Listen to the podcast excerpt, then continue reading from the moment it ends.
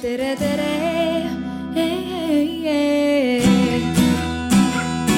Eestimaa.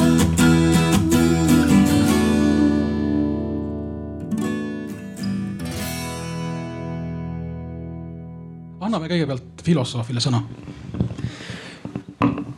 no esiteks see, mida me nimetame praegu tõejärgsuseks, ei ole nähtus, mis tekkis esmakordselt kahe tuhande kuueteistkümnendal aastal, kui me hakkame selle ideedeloolisi juuri ajama, sest selle ajalugu on oluliselt pikem.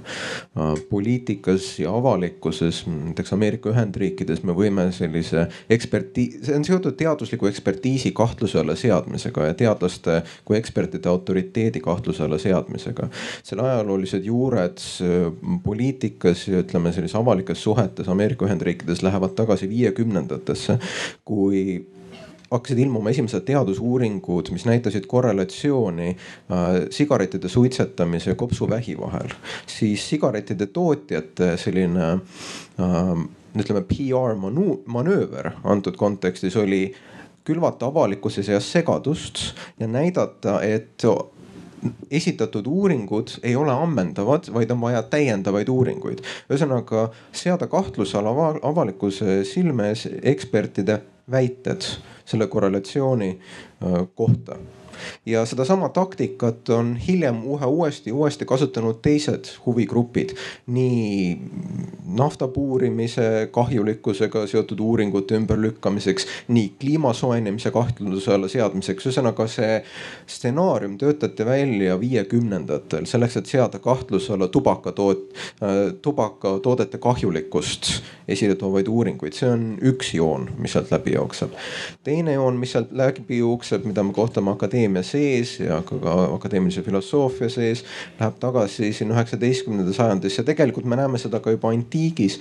aga no ütleme, tänapäeval ta läheb tagasi Friedrich Nietzsche üheksateistkümnendasse sajandisse, kes samuti toob välja seisukoha, et tõde on seotud võimuga ja võimutahtega ning selle korjavad hiljem ülesse kahekümnenda sajandi keskel äh, nüüdseks päris tuntud prantsuse filosoofid, kes ühtlasi toovad esile, et tõde ei ole mitte ainult seotud võimuga, vaid on seotud ka teadmisega, need kolm asja on koos ja juhivad tähelepanu sellele, et need, kes väidavad, et nad on mingis institutsionaalses või autoriteetses positsioonis tõe kuulutamiseks, on ühtlasi sellega ka teatavas võimupositsioonis. nüüd muidugi see eesmärk nendel filosoofidel ei olnud mitte kliima soojenemist eitada, vaid anda võimalus nendele, kelle hääled on siiani nii-öelda vaikima surutud, ka sõna ja näidata, et ka neil on midagi, mida öelda ja põhjust vastu vaielda võib-olla nendele institutsionaalsetele positsioonidele.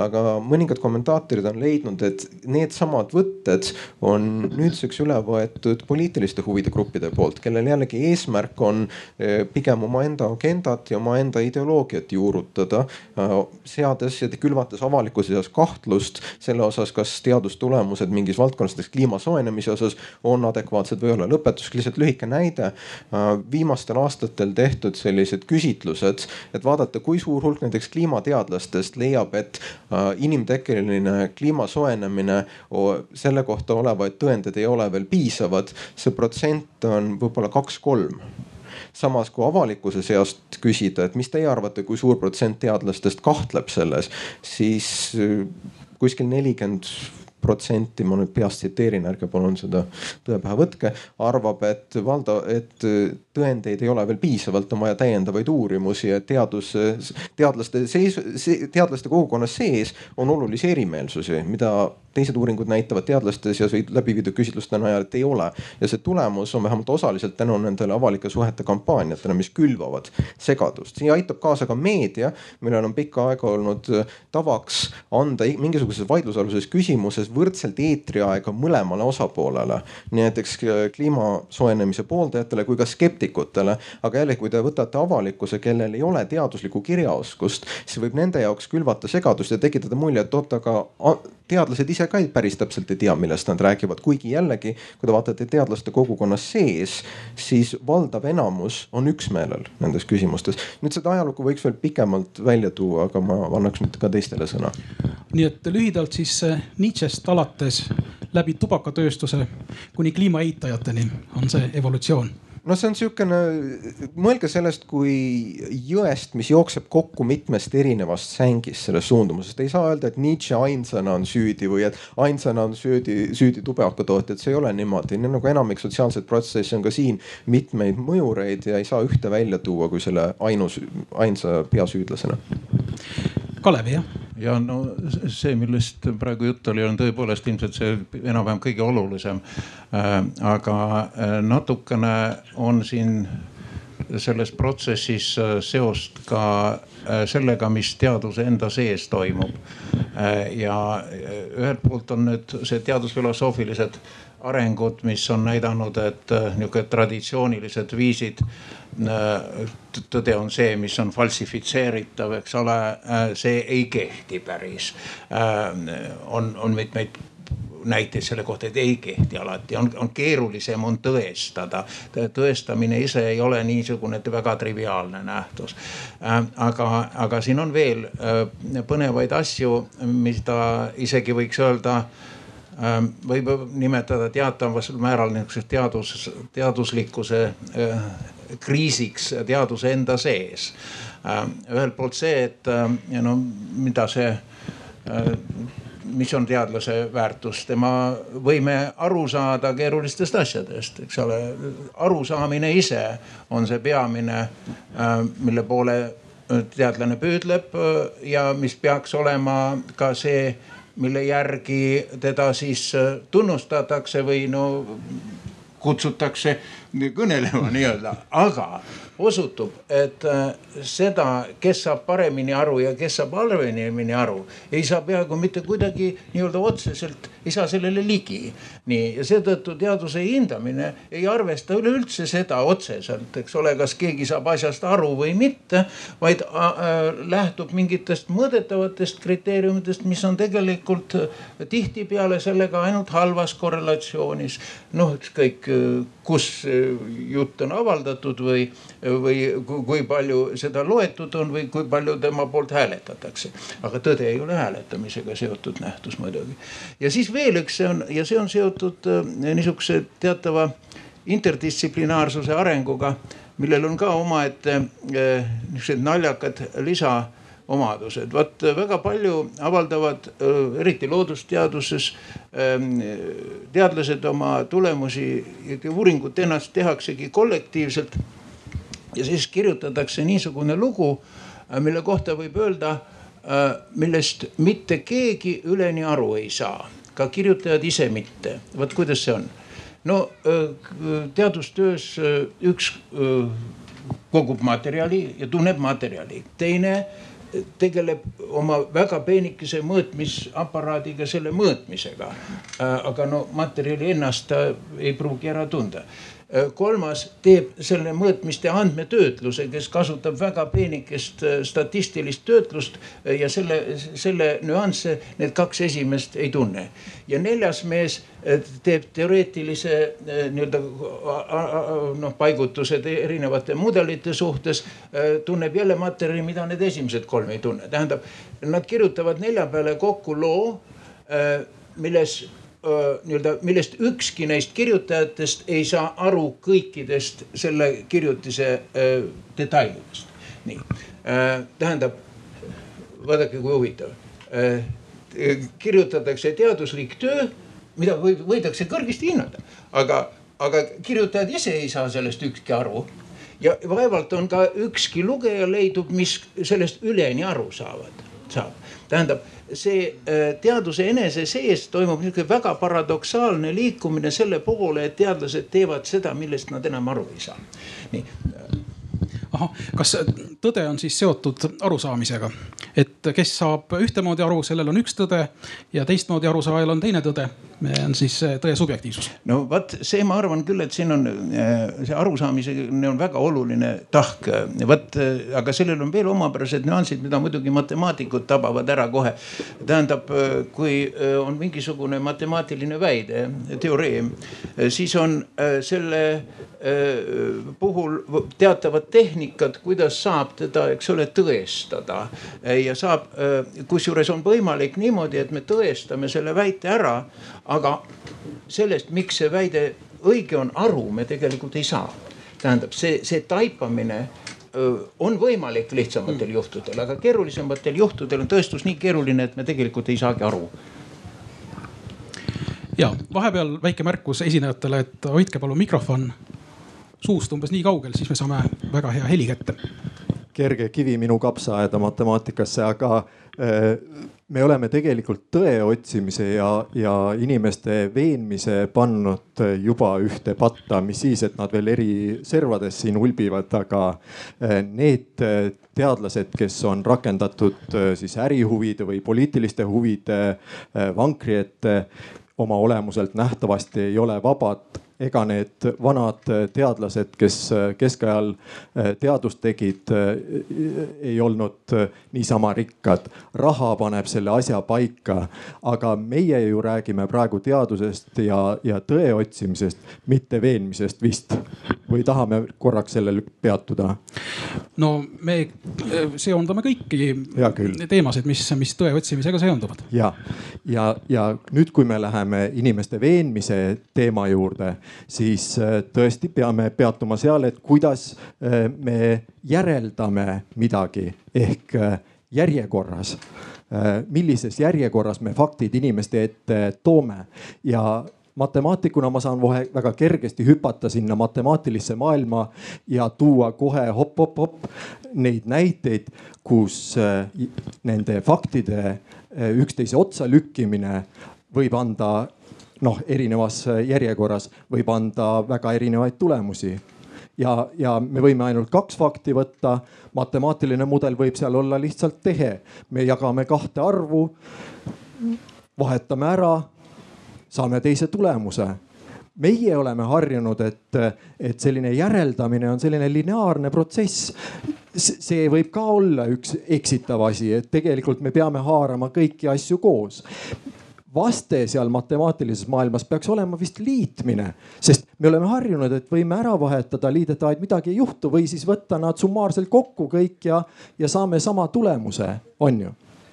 Ja vot siin võibki jällegi veenmisel seda asja ära kasutada, sest kui meie faktikogumik on liiga suur või noh, suur, siis meie need esialgsed arvamused, mis, mis võib-olla kahe liidetava puhul kehtivad, enam ei kehti me ju, no neid näiteid on kindlasti toodud teile võib-olla kooliski õpitud. võtame lõpmatud äh, arvude summad, tohib sinna minna? tohib, tohib. Nonii, äh, võtame lõpmatud arvude summad ja hakkame neid liitma no muidugi me peame kasutama mingit äh, piirväärtuse tehnikat, et leida lõpuks see väärtus, sest kes ei jõuab neid ühekaupa kalkulaatoril liita. aga need tehnikad on inimkonnal olemas ja, ja siin me oleme kokku leppinud, et mis asi on piirväärtus. jah ja, ja, ja hakkamegi liitma. ja, ja nüüd äh, võib neid liidetavaid sinna panna no sobiva märgiga näiteks pluss-miinusega. Äh, kasvõi võtame näiteks arvud üks, üks, miinus üks, üks, miinus üks me võime mõelda sellest kui nullist, võime mõelda millest iganes, eks ole, võime mõelda pluss ühest, võime mõelda miinus ühest. õige on see, et see piirväärtuse tehnika järgi seal praegu öö, piirväärtust ei ole, aga õnneks matemaatika rikas, me saame tuua selliseid öö, summasid, lõpmatuid öö, liitmisi, kus liidetavate järjekord tõepoolest võib anda samade liidetavate puhul mis tahes arvu summaks Ja. siin tuli nüüd välja väga huvitav asi matemaatika kohta. kui sa siin enne rääkisid, et matemaatika otsib tõde, leiab tõde ja näitab tõde, siis nüüd tuleb välja, et äh, tegelikult me teame ka seda juba enne, et matemaatikas esineb niisugune asi nagu määramatus. ja, ja need summad võivad ka sõltuda siis, kui ma õigesti aru sain, liidetavate järjekorrast. just nimelt. ja see justkui viitab, et, et ka matemaatikas ei ole ikkagi päris lõplikku tõde olemas oi noh si, siin on asi palju lihtsam ja, ja filosoofid tunnevad ka siin äh, seda, seda tulemust, mis on muidugi puhtalt matemaatiline. Pat, matemaatika ei ole üks ja ainus, matemaatiline mudelite kogumik, meil on hästi palju erinevaid äh, nii-öelda matemaatikaid või siis vastavuseks mudeleid. seal on kokku lepitud reeglid ja, ja siis me nende reeglite alusel midagi järeldame ja hops natukene võib-olla rohkem või sinna circa sada aastat tagasi tõestati lausa matemaatiliselt ära, et kui meil on piisavalt keerukas aksiomaatika siis selles aksiomaatilises süsteemis me võime püstitada väiteid, mida me selles aksiomaatilises süsteemis ei saa tõestada ega ümber lükata. Gödelist me enne natukene rääkisime. Kurt Gödel on selle teoreemi autor ja, ja see juba näitab, et me meie matemaatika või see, see teadus ei, ei, ei saa olla lõpliku tõega. Me peame selleks, et mingit probleemi lõplikult enda jaoks nii-öelda noh fikseerida, siis me peame ta aluseks võtma, kas see on nii või teisiti aga sellisel juhul me võib-olla ei ole enam selles vanas maailmas, me oleme nüüd juba uues maailmas, uues mudelis. kas igas mudelis on oma tõde? no muidugi on. me, me selles matemaatilises mudelis võtame aluseks aktsioomid ja need on automaatselt tõesed. ja noh, mis, me võtame vähemalt ühe aktsiooni ikka aluseks, seega seal ongi juba Aha. üks tõde. selge, nii jõudsime jällegi lõpliku tõeni ja, ja, ja. panime selle paika aga siin vahepeal oli juttu nii Rannisel kui ka Kalevil veenmisest. et äh, tõde ja veenmine ja, ja kes, kes äh, paremini veenab, selle käes ongi tõde. kas äh, tegelikult see vastab ka mõnele filosoofilisele teooriale? Kui me räägime tõeteooriatest, siis jah, on olemas selline tõe konsensuse teooria ka, mis ütleb või no isegi kaks erinevat teooriat. tõe konsensuse teooria, kui seda võib nii nimetada, ütleb, et tõde on mingisuguse näiteks teadlaste kogukonna konsensuslik arusaam mingisugusest küsimusest. no näiteks praegusel hetkel konsensuslik arusaam, ütleme galaktikate tasandil sellest, kuidas füüsikalised süsteemid toimivad, toetub üldrelatiivsust teooriale, varem see toetus Newtoni me mehaanikale, ühesõnaga konsensus muutus, muutus muutus ka arusaam, aga ja on ka selliseid tõeteooriaid, mis väidavad, et tõde on see seisukoht, mis jääb ratsionaalses veenmises peale. Mm -hmm. aga sihuke klassikaline arusaam tõest muidugi ütleb, et tõde on vastavus mingisuguse uskumuse, väite mõiste või lause ja maailma vahel. see läheb tagasi antiiki, seda võib hea tahtmise korral juba Aristotelesest välja lugeda. see on, kui ma ütlen, et see laud on valge, siis sellisel juhul see lause selle teooria järgi on tõene juhuks, kui siin on mingisugune asi, mis on laud ja sellel on valge olemise omadus. jällegi see, see teooria või seda, sellest teooriast on erinevaid versioone, erineva keerukuse astmega. aga kui lühidalt veel alternatiivi, kaks, veel kaks alternatiivi välja tuua, siis on tõe koherentsusteooria, mis ütleb, et tõel ei ole maailmaga üldse mingit pistmist, vaid tõde on kooskõla uskumuste vahel. ühesõnaga mingi uskumus on tõene, kui see on kooskõlaline teiste uskumustega, mis mul on. või siis mingi väide on tõene, kui see on kooskõlaline teiste väidetega, mida ma juba usun või mis on tõesed. ja viimastel aastakümnetel on hakanud levima ka deflatsionistlikud tõeteooriad, mis ütlevad, et tõde ei ole üldse midagi erilist. selles mõttes ei ole erilist, kui ma ütlen näiteks on tõe tõene, et see laud on valge, siis see on samaväärne, kui ma ütleksin lihtsalt, et see laud on valge. ühesõnaga tõe omistamine mingi uskumusele või, või väitele ei anna sellele mingit sellist erilist staatust. ja no kui filosoofiliste arutluste kohta üldse midagi kokkuvõtvat öelda nende kohta, mis tõde puudutavad, siis on, et on sügavaid erimeelsusi, aga samas ei ole kellelegi uudis, sest filosoofias on kõiges sügavaid erimeelsusi. siit tekkis kohe küsimus, et kas see tõe deflatsionistlik teooria, mis väidab, et tõde justkui siis ei olegi tähtis või ei olegi vajalik või kuidas, kui ma nüüd õigesti aru sain? ta rohkem ütleb, väidab lihtsalt seda, et mi, väide, et mingi lause on tõene, on lihtsalt samaväärne selle lause väitmisega. ühesõnaga, mul ei ole sinna juurde veel vaja mingi, kõigil tõeteooriatel filosoofias on, äh, käib kaasas mingisugune selline lugu selle kohta, milline maailm on ja kuidas väited või uskumused selle maailmaga seotud on või kas üldse on neil mingi vajalik mingisugune seos maailmaga mm. -hmm. siis deflatsionistlikud teooriad tahavad seda pilti lihtsalt lihtsamaks teha ja öelda, et meil ei ole siia seda täiendavat sihukest spekulatiivset pilti juurde, juurde tarvis. sest et mingi väite tõesus on samaväärne kõige lihtsamal kujul selle väite väitmisega. selge, me lihtsalt väidame midagi ja, ja seda me sinna juurde ei pea ütlema, et aga see, mis ma nüüd just väitsin, et see ongi tõde. vaid ma lihtsalt väidan seda hästi, aga nüüd tegelikult ju, kui neid tõe, tõe filosoofilisi teooriaid on, on mitu. ja noh, see kõige klassikalisem, seda vist nimetatakse korrespondentsteooriaks, et, et laud on valge siis, kui laud on valge. siis me saame ka, me saame väita, et laud on valge, siis kui laud on valge. see on vist see, mis, mis kõige rohkem inimestel nagu peas on, kui, kui tõest räägitakse ja siit ka siis see ettekujutus sellest, et kui teadus otsib tõde, et siis ta otsib seda, seda just seda korrespondentsteooria tõde. samas, kui me räägime, et kas teadus otsib tõde, küsime seda, siis me, meil ju tegelikult vastus sõltub vägagi palju sellest, et äh, millist tõeteooriat me aluseks võtame, mida me öö, äh, tõe mõiste all silmas peame. et ähm, see on muidugi, teeb asja palju keerulisemaks. nii et, ähm, et võib-olla me, me peakski, kui vähegi meelde tuleb, edaspidi vahet tegema, et mida me selle all mõtleme, kui me tõest räägime äh, samas võib-olla ka see viimane, see deflatsionistlik tõeteooria on ka teaduse praktikaga kooskõlas, ega, sest teadlased ei mõtle kogu aeg sellele, et äh, ma otsin tõde, ma otsin tõde, ta lahendab oma, oma probleemi ja, ja püüab, püüab selgust saada oma valdkonnas.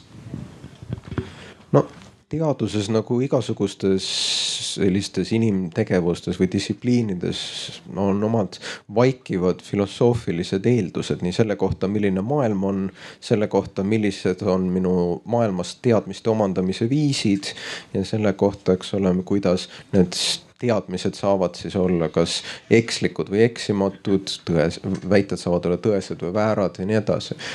kui ma nüüd väga puusse ei pane, siis looduste teaduste puhul üldiseks klassikaliseks eelduseks on olnud empiristlik arusaam ehk siis, et teadmine tuleb kogemusest või vaatlusest ja noh, nii nagu te ütlesite, tõde on sageli mõistetud teatava korrespondentsi või vastavusena maailmaga, kuigi jällegi see pilt on oluliselt keerulisemaks läinud nii teadusfilosoofia sees kui ka teaduse sees äh, viimase saja pluss aasta jooksul.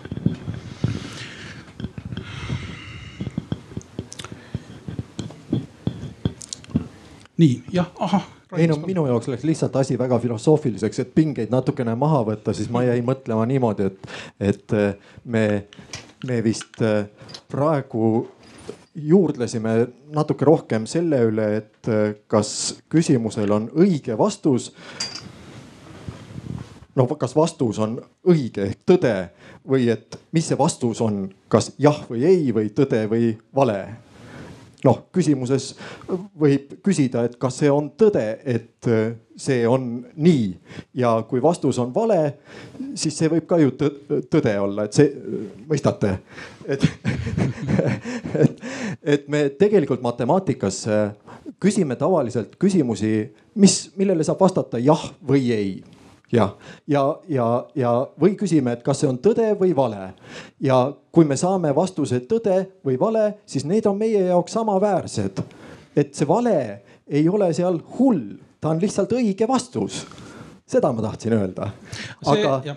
väga sageli siin veenmisel on vastus oluline, eks ole, vastuse, vastuse värv või kas see on tõde või vale.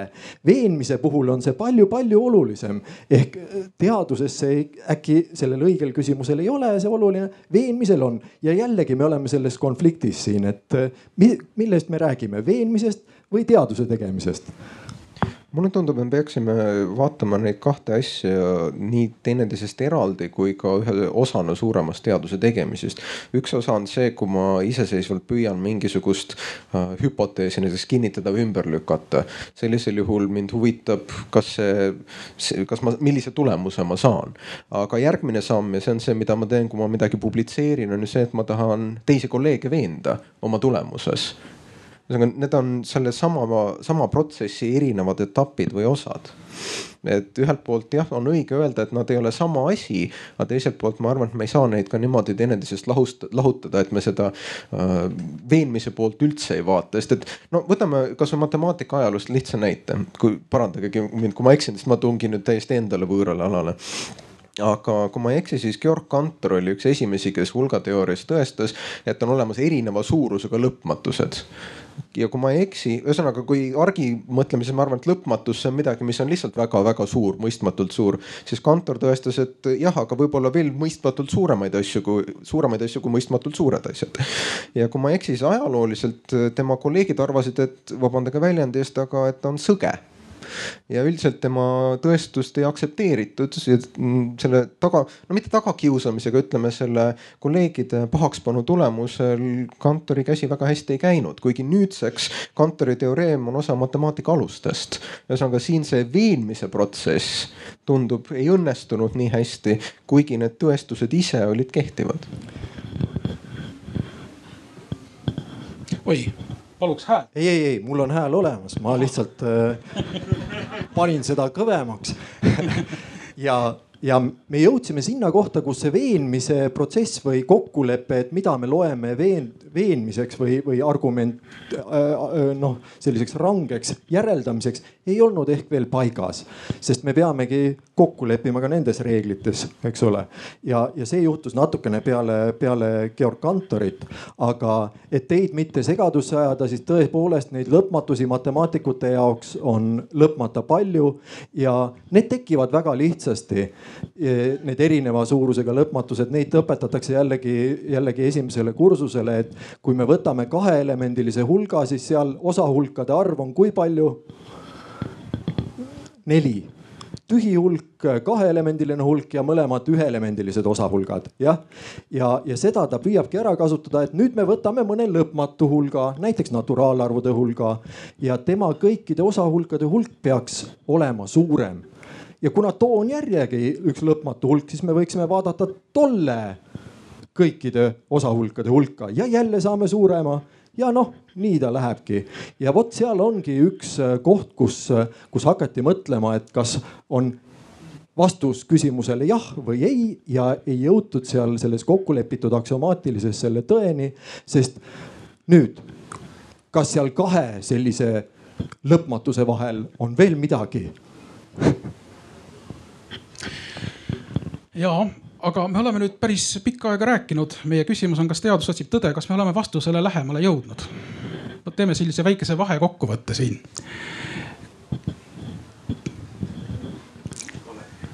ei ole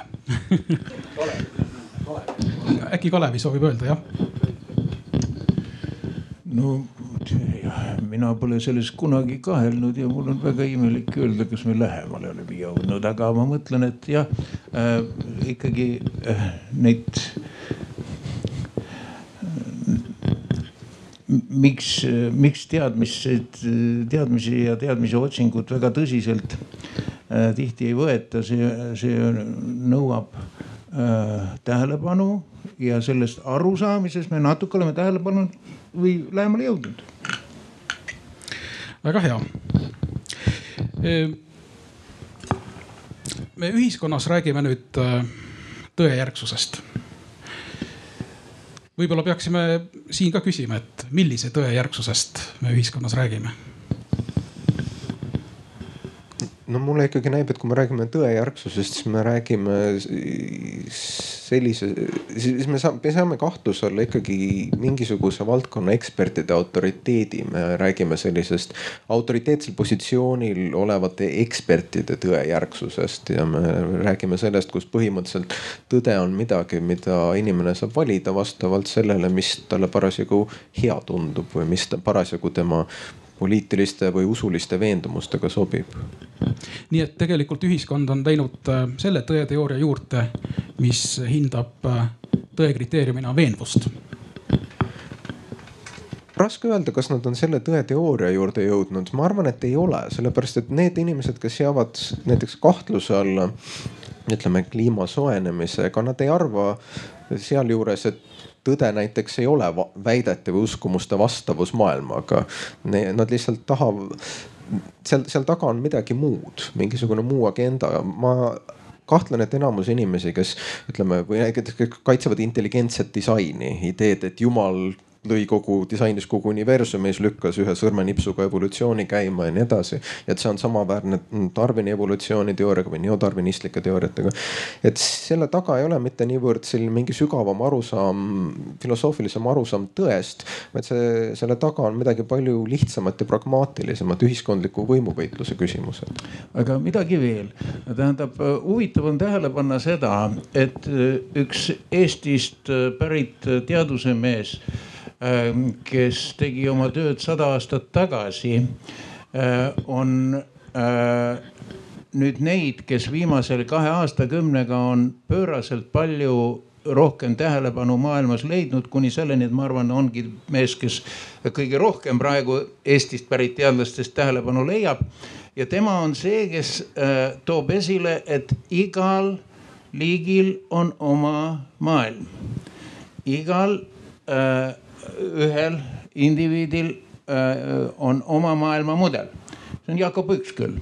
Äh, Jakob Ükskülli omaailmateooria, äh, mis ei olnud üldse populaarne ja teda vastu ei tuntud huvi suur osa kahekümnendast sajandist. aga nüüd on huvi tõus järsk nii äh, väga erinevatel aladel, nii filosoofias bioloogia, semiootika ja igal pool.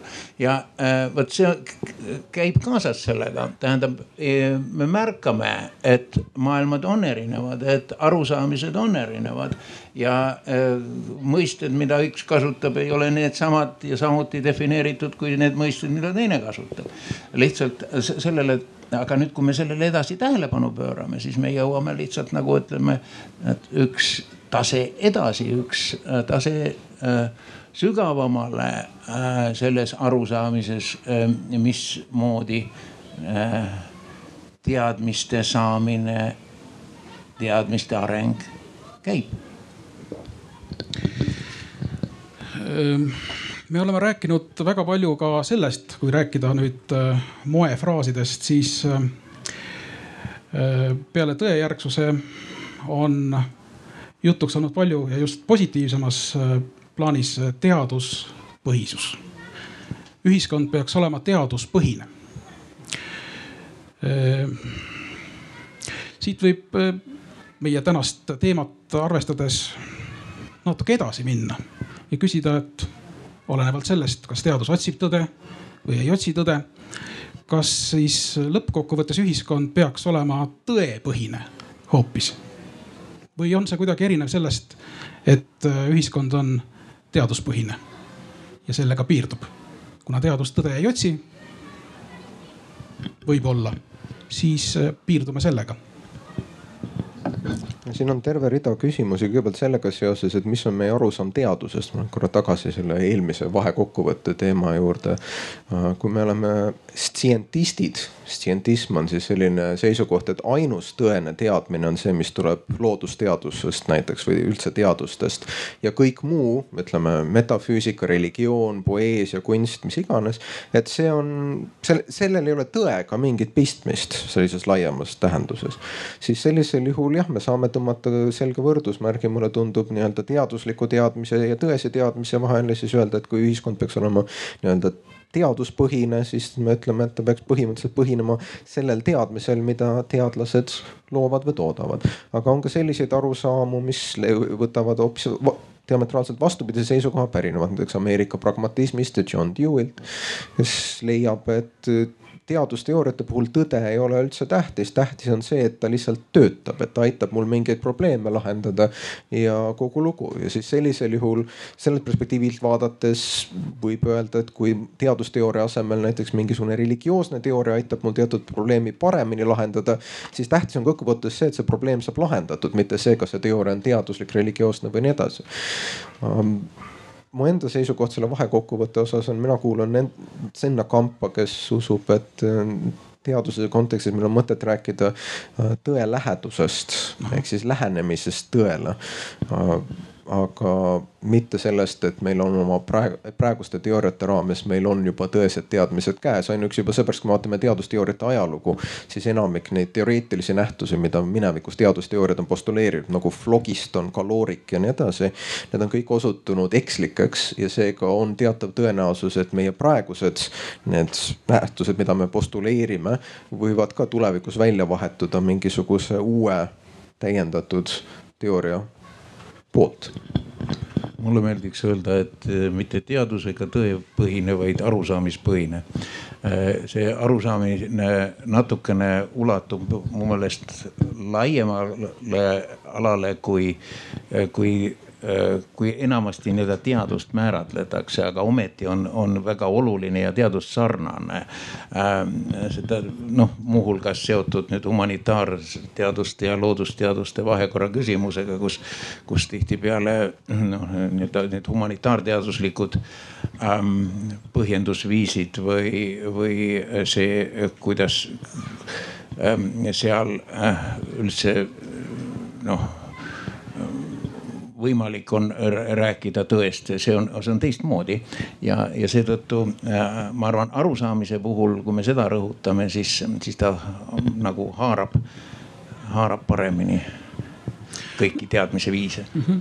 no siin tuli tegelikult üks äh, märksõna, millest me enne oleme kuidagi nagu mööda libisenud aga nüüd võtaks sellest kinni, et äh, humanitaarteadused, kui me oleme rääkinud, et ähm, tõdesid on mitme teooria jagu võimalik eristada, siis äh, noh, teadusi on ka mitu, mitmesugust ja üks põhiline on siis vahetegemine reaal- ja humanitaarteaduste vahel.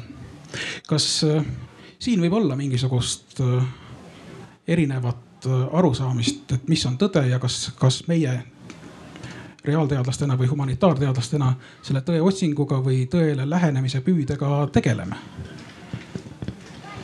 või võime öelda, et, et vahet ei ole?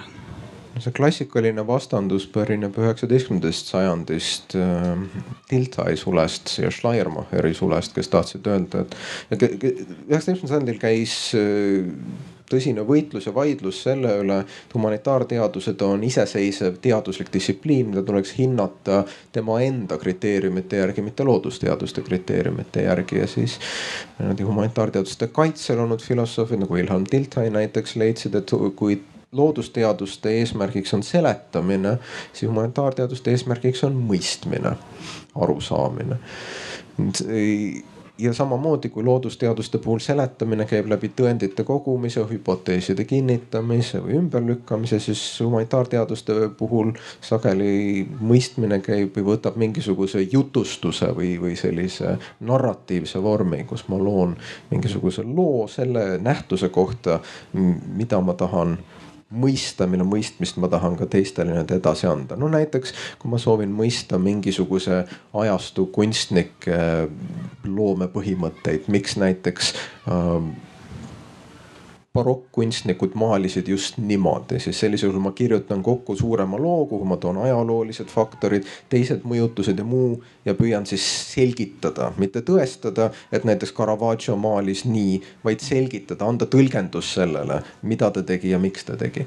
muidugi jällegi siin teadusfilosoofias kahekümnenda sajandi lõpul ja praeguseks on see algselt üheksateistkümnendal sajandil väga selgena tundunud eristus mõistmise ja seletamise vahel hägustuma hakanud. ainuüksi juba sellepärast, et ei ole kindel, et kõik loodusteadused ilmselgelt ja ainult seletamisega tegelevad selles üheteistkümnenda sajandi mõistes ja et humanitaarteadused seletamisega üldse ei tegele tõenäoliselt väga paljuski neid arutelusid on ütleme lihtsustanud ka see tõsiasi, et sageli me võtame ja filosoofid võtavad teaduslikkuse etaloniks elementaarosakeste füüsika.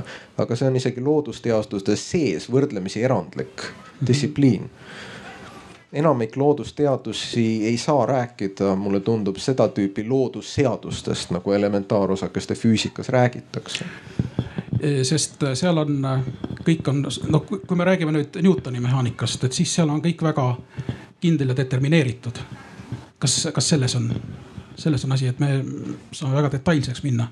ei, mitte ainult, vaid ka lihtsalt selle, selle tõttu, et teistes loodusteadustes on oluliselt raskem sõnastada selliseid niinimetatud loodusseadusi või üldkehtivaid regulaarsusi, millele ei leiaks suures hulgas erandeid. ahah, aga kui nüüd jääda selle üheksateistkümnenda sajandi vahetegemise juurde seletamine ja, ja mõistmine.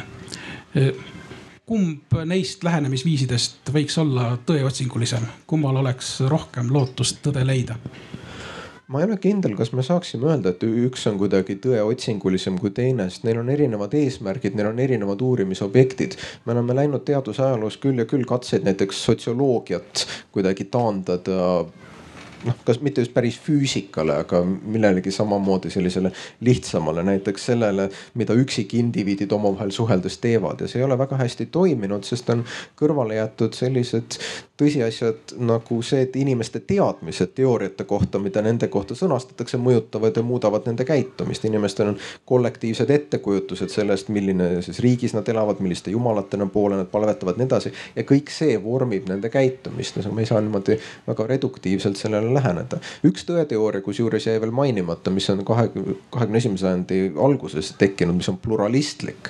mis ütleb seda, et võib-olla on üldse vale otsida või eeldada, et erinevad maailma kirjeldamise või rääkimise viisid, et neis kõigis peab tõe mõistmine samasugune olema. et tõde peab näiteks bioloogias ja füüsikas ja humanitaarteadustes olema vastavus maailmaga. võib-olla niimoodi, et mõnes rääkimise viisis see on vastavus maailmaga ja mõnes teises see on lihtsalt ideedevaheline kooskõla ja mõnes kolmandas on mingisugune hoopis kolmas tõe kriteerium.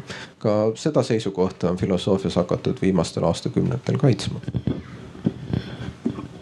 kuule, ma lihtsalt repliigiks ütlen, et äh, see humanitaaride, reaalteadlaste vahetegemine, et äh, me ei pea seda päevakorral hoidma.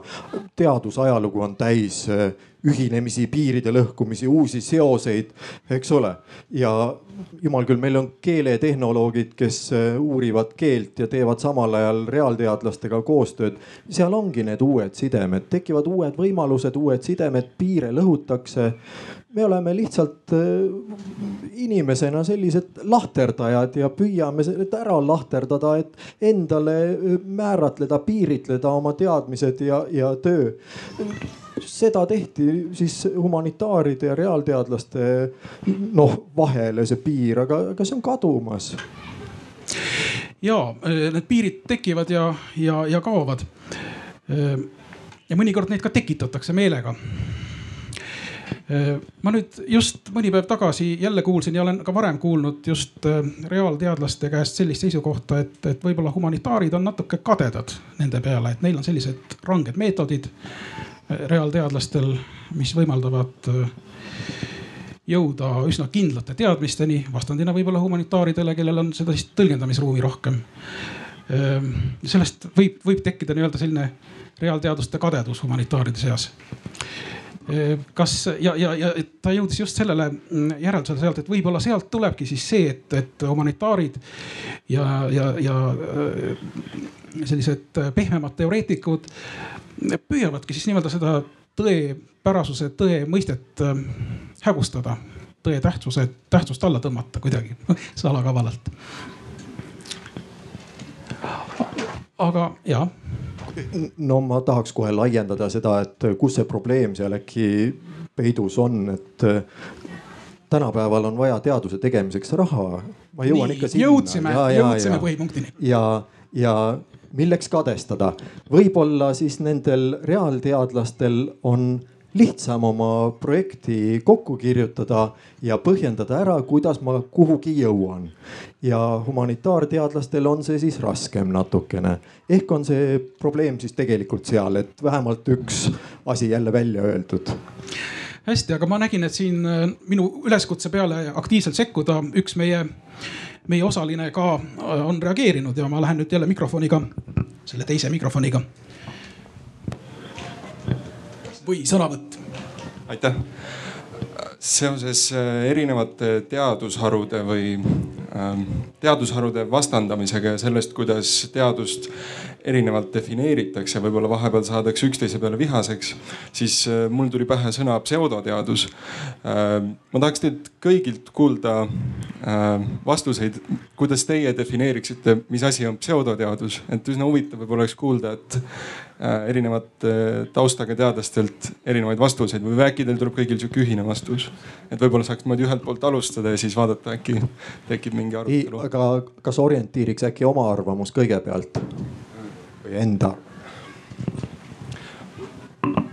võib-olla mul on, minu tagasihoidlik arvamus on see, et pseudoteadus on võib-olla selline silt, mida kasutatakse ähm, teadlaste vastu, kellega ei olda nõus tihti. et see on sihuke väga pealiskaudne võib-olla, aga arvamus, aga jah.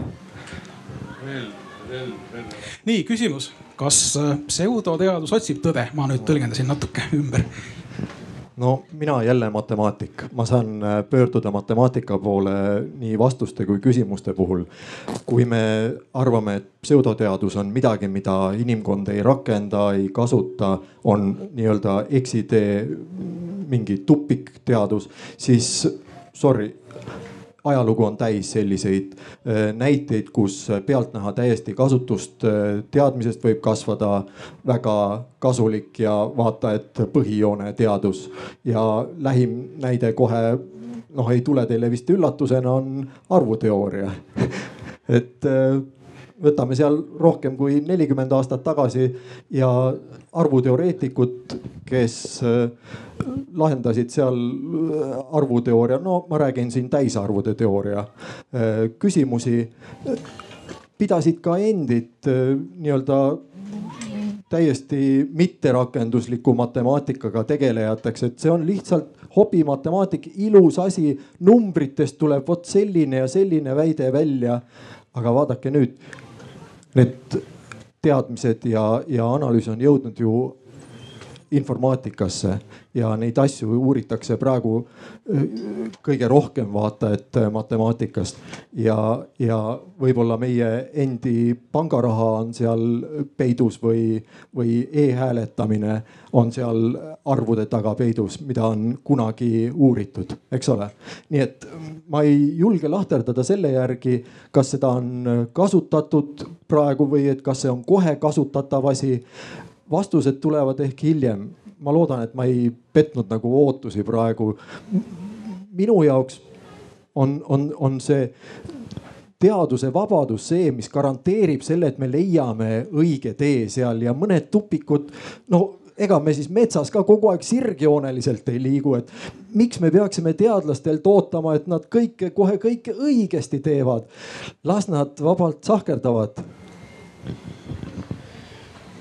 küsimus selle kohta, mis vahe on teadusel ja pseudoteadusel oli tea, teadusfilosoofia üks varasemaid lähteprobleeme ja neid kriteeriume nende kahe, kriteeriume nende kahe eristamiseks võib ajaloos leida palju, alustades jällegi Aristotelesest, kes leidis, et teaduslikud väited on sellised üldkehtivad universaalsed väited, kus ma siis deduktiivselt tuletan seletused mingisuguste vaadeldud faktide kohta ja lõpetades siis sellise näiteks Karl Popperi levinud ja vist siiamaani teatud ringkondades populaarse ideega, et äh, pseudoteadusest teeb pseudoteaduse see, et selle väiteid ei saa ümber lükata mingisuguste äh, vaatlusandmete või katsete põhjal. aga jällegi ei ole mingisugust ühtset sellist kriteeriumi, mille osas kõik teadusfilosoofid ühel nõul oleksid, et vaat me saame tea-, pseudoteadusel ja teadusel vahet teha selle kriteeriumi järgi, sest et varem või hiljem ilmub välja keegi, kes leiab mingi erandi, kus see kriteerium ei tööta. üldiselt mulle tundub aga, et miks see eristus on oluline ja miks me ühel või teisel viisil peaksime seda tegema. distsipliinis, mingi teadusdistsipliini sees teadlased teevad seda niikuinii, lähtudes oma distsipliini sisestest meetoditest teoreetilistest raamistikest ja nii edasi. aga see on mingis mõttes laiem poliitiliselt ja ühiskondlikult oluline küsimus, sest nagu siin enne oli õhku visatud mõte, et me tahame teadmispõhist ja teaduspõhist ühiskonda. kui me seda tahame, siis sellisel juhul vahe tegemine pseudoteaduse ja teaduse vahel on kriitilise tähtsusega, sest see määrab ära selle, kelle me ekspertide ringi arvame, kelle äh, seisukohtadel me laseme poliitikat kujundada nii et minu seisukoht lühidalt kokkuvõttes on, et jah, see eristus on oluline, seda tuleb teha vähemalt eeldusel, et me tahame teadmispõhist ja teaduspõhist ühiskonda. kuid mul ei ole paraku sellist ühte geniaalset kriteeriumit siin praegu õhku visata, öelda, et kui te järgite vot seda algoritmi, siis te teete alati vahet pseudoteadusel ja teadusel. ahah, Kalevil on mikrofon kadunud, aga ma annan enda oma ei tea, kus ta kadus. ei, minu jaoks on see raske küsimus, aga äh, äh, see pigem on tegu ikka kas äh, nii-öelda mingi valdkonna professionaalsusega või, või, või noh, vähe suurema või väiksema professionaalsusega äh, valdkonnas. aga no need konkreetsed juhtumid on tõesti mõned ikka päris keerulised, noh, ütleme Rupert Sheldrake on üks niisugune huvitav näide, kes on ka praegu nüüd Eestis siin hakanud, tema raamat tõlgiti ja, ja ka keda ikkagi suur osa tõsimeelseid biolooge peavad ikka pseudoteadlaseks. mis temaga peale hakata ei, ei oska ma ka kohe öelda aga ähm, noh, või siin ütleme bioloogiaga seotult äh, eks ole, need, kes otsivad äh, puude energiat äh, või nii-öelda eluenergiat erineva teatavat elusubstantsi. seda on noh, ikka väga suurel määral peetakse pseudoteaduseks, aga kus koha peal see täpne nüüd see piir läheb ja, ja millal me seda ikka tõesti nii-öelda võime ümber lükata või mitte tunnustada, see ei ole lihtne. See on jälle suhteline nagu tõdegi. ma vahepeal pean jah tunnistama, et ma äh, hoidsin ise sinu, Kalevi, mikrofoni enda käes, nii et sellest see segadus tekkis, nii et. Pole hullu. jah, aga kui me nüüd oleme seda märksõna nagu pseudoteadus äh, siin selleni jõudnud siit on ainult lühike samm äh, jõuda järgmise mõisteni mis on ju lausa vale. sest kui me oleme siin kogu aeg tõest rääkinud, siis tegelikult me varjates või kuidagi nii varja, varjatult jah, oleme rääkinud ka valest. sest ega siis tõde ei saa olla valeta, nii nagu valgust varjuta. räägime siis otse valest ka natuke ja just nimelt äh, Kalevi, sinuga tuleb see asi seosesse kuidagi sellepärast, et teoreetilise bioloogia kevadkoolid, see pikaajaline traditsioon, mida sa oled vedanud tegelikult juba oi-oi kui palju aastaid. seal nüüd äh, mõned ajad tagasi oli teemaks ühes kevadkoolis valeteooria.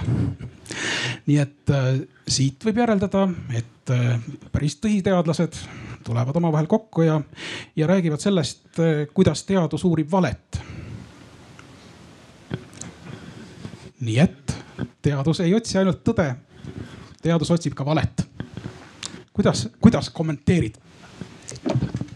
tänan no see on äh, omaette huvitav, kuidas maailmas, kust üldse vale tuleb, mis on vajalik selleks, et vale kui selline olemas oleks. Äh, no osutub, et äh, ilmselt elutusmaailmas ei saagi valet kui sellist iseenesest olemas olla tähendab, vale tuleb alates sealt, kus on, kus on teadmised olemas.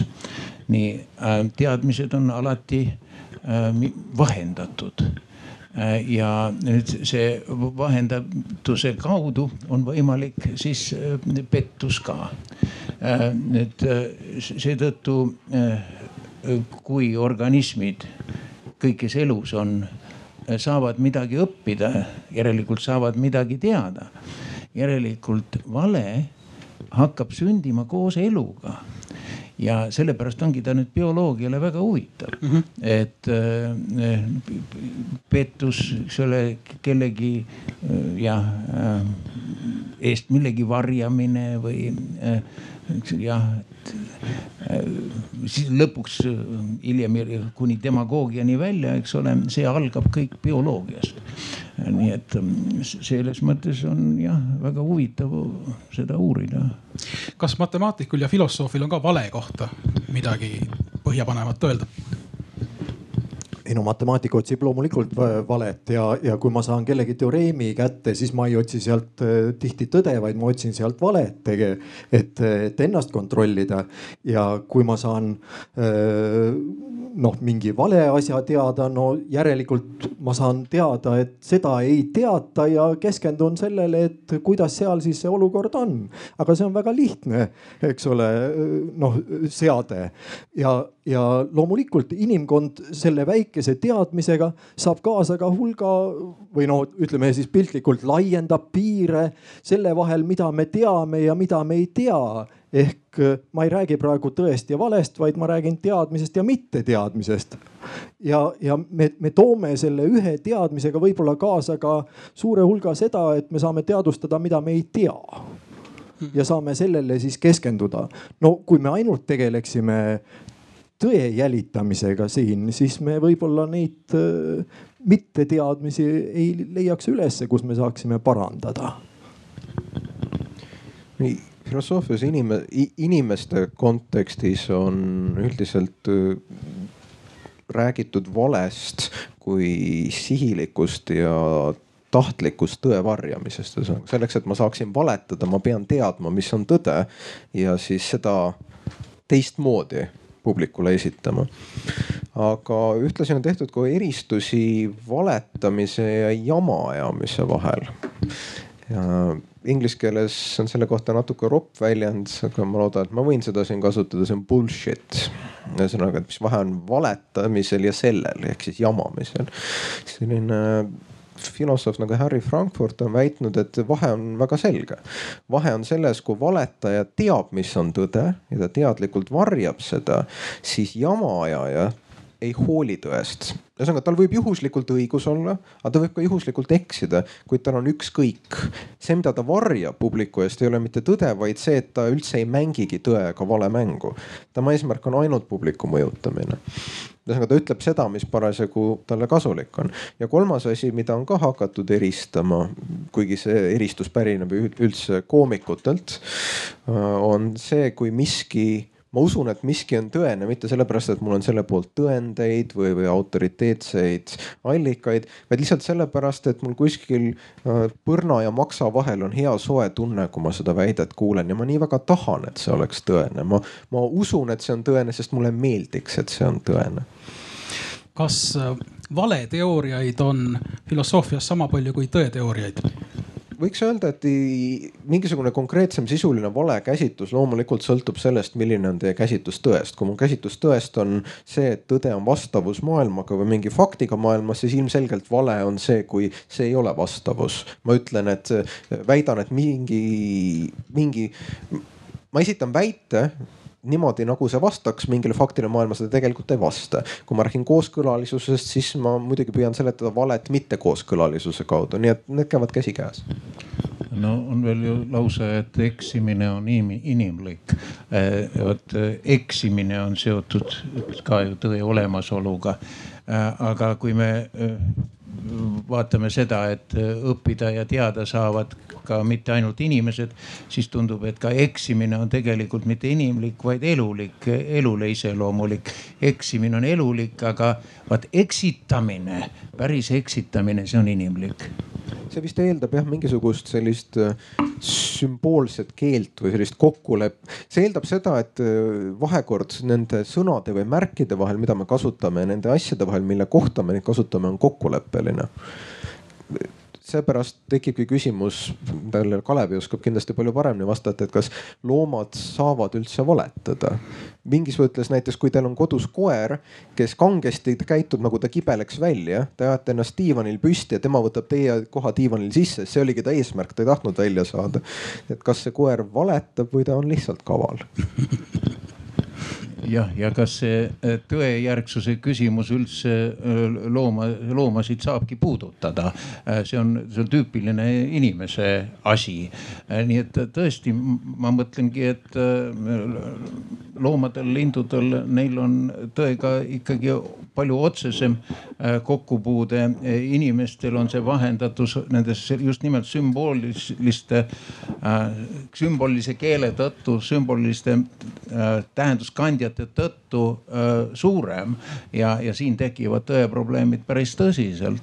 Ähm, aga muidugi on niisugused vahepealsed variandid ka, kus me või võib-olla, võib-olla teeb meie koer või kass vahepeal meiega ka natukene vingerpussi. -hmm. ma ei saa märkimata jätta ikka valetamise ühte olulist positiivset külge. selleks, et hästi valetada, pead sa väga hästi loogikat oskama. Väga hea, valetamine, valetamise teema äh, paistab olevat väga, väga huvipakkuv ja kaasahaarav. Rohkem kui tõe teema võib-olla ja see, sinna läheb ka see äh, väljend ju, et äh, mitte see, et valel on lühikesed jalad, vaid see, et, et sel ajal, kui tõde saapad jalga tõmbab, on vale juba kuus tiiru ümber maakera teinud või, või kuidas, kuidas see nüüd oligi. aga me ei, jah, ei ole, ei olnud nii või? kuidagi teistmoodi. tõde tõuseb, vale vajub. õige, see on Eesti rahvatarkus. meil on hoopis niimoodi. see eelmine oli vist Ameerika oma. aga aeg on hakata otsi kokku tõmbama. ega nüüd meie ekspertide arusaamad vist eriti ei muutunud selle, selle arutelu käigus, et et no ma saan aru, et Kalevi oli siin kõige rohkem nagu pahane selle, selle väite peale, et teadus justkui ei otsi tõde. kui ma sain nüüd õigesti aru sinu näoilmest, siis sa soovid. ei ole pahane. ei ole pahane nii selge lihtsalt noh, ei ole nõus võib-olla siis, aga leebelt suhtud. imestunud olen oh, tasub imestada selle üle. aga meie objektiivne filosoof Oliver.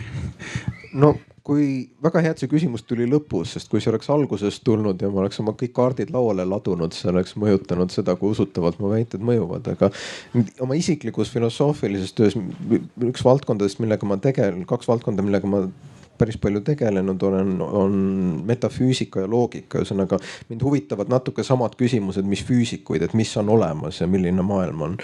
ja oma isiklikus töös ma kaldun küll sinnapoole ikkagi, et kui me hakkame spekuleerima selle üle, milline maailm on, siis me peaksime alustama sellega, et me vaatame, mida kaasaegne teadus meile ütleb selle kohta, milline maailm on. ühesõnaga minu positsiooni või no, seda positsiooni, mida mina pooldan, on nimetatud teaduslikuks realismiks teooriks, see on siis seisukoht, mis ütleb, et need asjad, mida meie parimad kaasaegsed teaduslikud teooriad ütlevad, et on olemas, geenid, kvargid, leptonid ja nii edasi.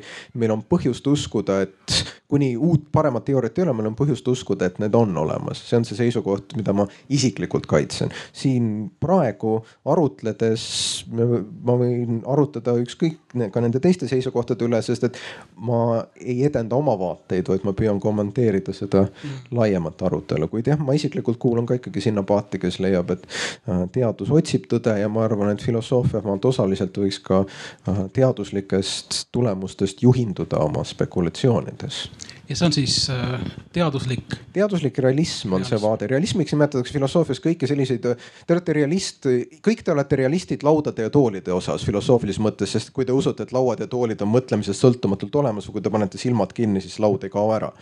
no vot ja teaduslik realism on lihtsalt samasugune seisukoht nende asjade kohta, mida teadus postuleerib, et olemas on. Rainis no me anname teadlasele sellise tõerääkija rolli, aga samas välja kutsume ühiskonnast teda selles rollis, kus ja, ja rääkima selles rollis, kus seda tõde ei olegi. no kasvõi kuhu tuleb tuulik, kuhu tuleb see jäätmejaam, kuhu tuleb see sadam ja, ja, ja, ja, ja siis saame hoopis teaduse peale kurjaks, et, et ta äkki ei räägi tõtt. aga matemaatika jääb tõtt otsima, nagu ta seda seni on teinud ja teeb edasi. no ja just seesama tea, teoreem, Gödeli teoreem ütleb, et ei saa see matemaatika kunagi valmis, nii et tööpõld on mm -hmm. lai. ja, nii et otsing on igavene tänu Gödelile ei no see, see, see fakt kehtib ka ilma köödelita ikka. hästi väga hea, meil ongi aeg otsad kokku tõmmata, aga võib-olla keegi publikust, ma annaks ühe võimaluse veel, kes sooviks võib-olla kommenteerida eh, meie vestlust ja, ja kas, eh, kas see vestlus andis eh, mõtlemisainet, kas muutis võib-olla seisukohta selles küsimuses, kas teadus otsib tõde või mõnes muus küsimuses. seda oleks huvitav teada, meil mõni minut veel on, et seda uurida.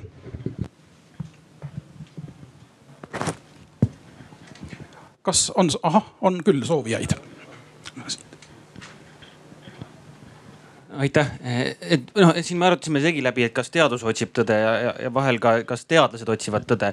et noh, selge on see, et teadlased tegelevad ka palju muuga peale teaduse, et noh, olgu selleks, ma ei tea, karjäär või, või, või avaldamine ja, ja nii edasi, nii edasi. aga et noh on ju ka üsna selge, et teadlasi, et teadlased juhi, teadlasi mõjutavad väga palju, noh näit-, on teada me teame palju näiteks äh, eesti keeles vist siis avaldamiskallutatusest või siis äh, sellest, et äh, otsitakse pigem, inimene kipub otsima seda, mis kinnitab tema olemasolevaid teadmisi, eks. et, et selge see, et, et või noh, kuhu mina nagu jõudsin selle diskussiooni lõpuks, et, et teadus äh, otsib tõde sel juhul, kui ta on väga äh, reflektiivne ja, ja püüdleb ka enese teadlikkuse poole või suurema teadlikkuse poole iseenesest. et selles mõttes äh, minu arvates see siin, kui igal juhul aitas lähemale sellele äh, teaduse äh, tõe otsimisele aitäh, no jätame selle seisukoha siis publiku seisukoha esindajaks ja, ja loeme selle, selle väite tõeseks. aga suur aitäh kõigile, kes, kes kohale tulid ja suur aitäh meie kolmele eksperdile. ja kahjuks rohkem ei ole aega küsimusi võtta, aga, aga pärast nii-öelda ametliku osa lõppu me seda, seda võime teha. kas võib küsida nende meeste käest? võib ikka, aga meil on praegu. kliima soojenemine, tõde või vale, vastake no kliima soojenemise alal jah, meil no, tõesti valesti te,. teeme nüüd niimoodi, et lõpetame praegu meie, meie koosoleku ära, aitäh kõigile ja kliimast räägime edaspidi veel palju